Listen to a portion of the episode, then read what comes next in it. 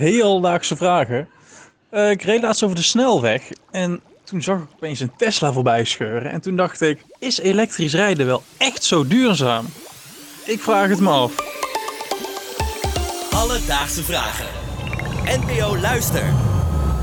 Dankjewel Paul voor het insturen van je vraag. Hij had hem heel braaf via de mail gestuurd. Daar zijn we dol op. Hij had alleen niet gezegd waar hij vandaan komt. Dus eh, ja, Oeh, nou, eh, laten we er een sprookjeslocatie van maken. Paul uit Nooit Gedachtenland. Juist. Terug naar de vraag. En Merel, wij kregen deze vraag binnen en toen zaten we echt van... De, natuurlijk is een elektrische auto duurzamer dan een auto die rijdt op fossiele brandstoffen. Maar ja, ik ging een beetje onderzoeken doen en blijkbaar De de werd steeds kleiner. de deur werd toch een beetje kleiner. Want er valt wel degelijk het een en ander over te zeggen. En ja, als we het hebben over auto's, dan weet jij al wie ons verlichting gaat geven. Ja, natuurlijk. Eh, geen auto meer zonder Tom Huiskens Precies. tegenwoordig. Onze mobiliteitsexpert Tom Huiskens geeft antwoord. Ja, ik ga me niet populair maken bij een eh, heleboel mensen. Maar eh, eh, ik kan niet stellen dat een, nog niet stellen dat een elektrische auto duurzamer is dan een brandstofauto. Dat is simpelweg omdat er eigenlijk nog veel te weinig over bekend is. Dus als iedereen nu op dit moment hals over kop zou overstappen op elektrisch rijden, dan betekent dat dat die ook allemaal geproduceerd moeten worden. En ja, die fabriek waar ze gepro- geproduceerd worden, die draait ook niet alleen maar van de wind. Dus daar wordt ook CO2 uitgestoten en andere schadelijke stoffen. Daar komt nog eens bij dat eh, de productie van het accupakket van een elektrische auto eh, enorm veel energie eh, vergt en ook enorm veel CO2 uitstoot. Dus voordat zo'n elektrische auto in de showroom staat en voordat je hem gaat gebruiken, heeft hij eigenlijk al meer energie gekost dan een traditionele brandstofauto op diesel of benzine. En vooral ook omdat die diesel- en benzineauto's al tientallen jaren lang doorontwikkeld zijn. En die productieprocessen zijn ook al tientallen jaren lang doorontwikkeld en steeds efficiënter geworden.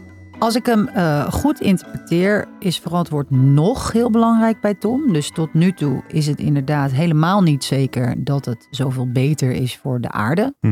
Ehm, maar er is wel degelijk iets voor te zeggen dat we die transitie daar naartoe heel serieus nemen. Ja, zeker. Er wordt nu heel hard op ingezet. En ze gaan natuurlijk ook hun best doen om het zo eh, duurzaam mogelijk te krijgen, dat maakproces. Maar voor nu is het dus zo, ja, een auto rijden, zonder twijfel, is een eh, elektrische auto duurzamer. Maar goed, Dus als je er eenmaal in zit, dan is het inderdaad beter. Ja.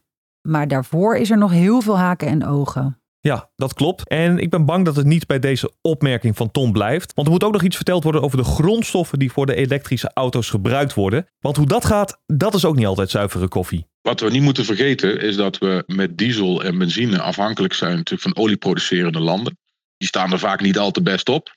Qua mensenrechten in het Midden-Oosten, Rusland. Hè, dat is een hele discussie geweest afgelopen jaar voor wat betreft de olie-export. Maar de grondstoffen van een accu, dat zijn eh, voornamelijk kobalt en lithium. En die zijn voornamelijk te vinden in eh, de zuidelijke helft van Afrika. Congo, Zimbabwe. Nou, dat zijn nou ook niet echt eh, eh, regimes die daar aan de macht zijn, die eh, mensenrechten hoog op het, op het lijstje hebben staan. Er komt kinderarbeid op grote schaal aan te pas. Dus een heel ondoorzichtig proces van waar die grondstoffen nou vandaan komen. De fabrikanten van elektrische auto's proberen daar ook steeds meer grip op te krijgen. Sterker nog, ze proberen zelfs mijnen in dat soort landen in eigen handen te krijgen, zodat ze zelf daar controle over hebben, zodat ze niet afhankelijk zijn van andere partijen. En dan helemaal niet afhankelijk zijn van overheden die als discutabel te boek staan. Omdat die grondstoffen denk ik zo moeilijk op een normale manier te verkrijgen zijn zonder al te veel schade op welk niveau ook. Is, dat dus ook de reden dat het zo duur is, een elektrische auto? Ja, nou, dat is vaak wel een van de redenen. Eh, elektrische auto's zijn ook veel duurder om te maken dan de gewone auto's. Dat komt vooral door die accu. En die maakt dus gebruik van die grondstoffen. En die grondstoffen zijn heel erg gewild. Want batterijen zijn gewild, ook in andere producten.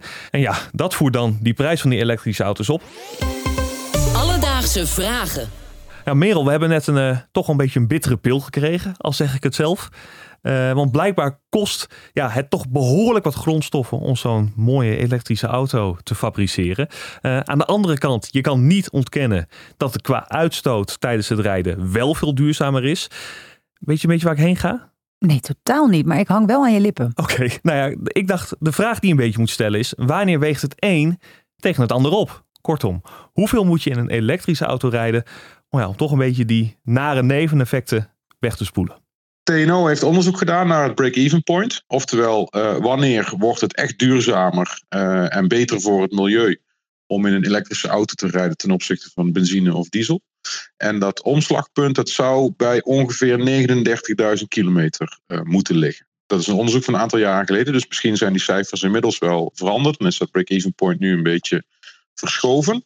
Maar in principe, als jij uh, 39, zeg een kleine 40.000 kilometer met een elektrische auto hebt gereden, ten opzichte van een vergelijkbare, in hoeverre dat vergelijkbaar is, benzine- of dieselauto, uh, dan ben je goed bezig. En om even wat context te geven, een gemiddeld persoon rijdt ongeveer 10.000 kilometer per jaar. Oké. Okay. Dus je moet zo'n vier jaar doen met een elektrische auto en dan ben je goed bezig.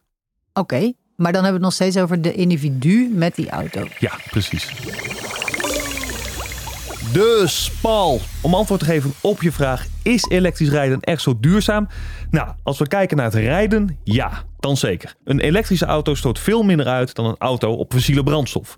Wel is het zo dat op het maakproces van elektrische auto's nog wel het een en ander valt aan te merken. Op het moment kost het maken van de elektrische auto's namelijk nog heel veel energie. Meer dan dat van auto's op fossiele brandstof bijvoorbeeld.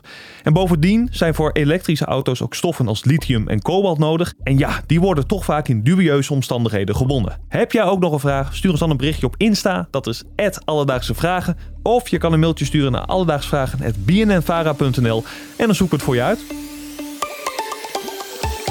Alledaagse Vragen.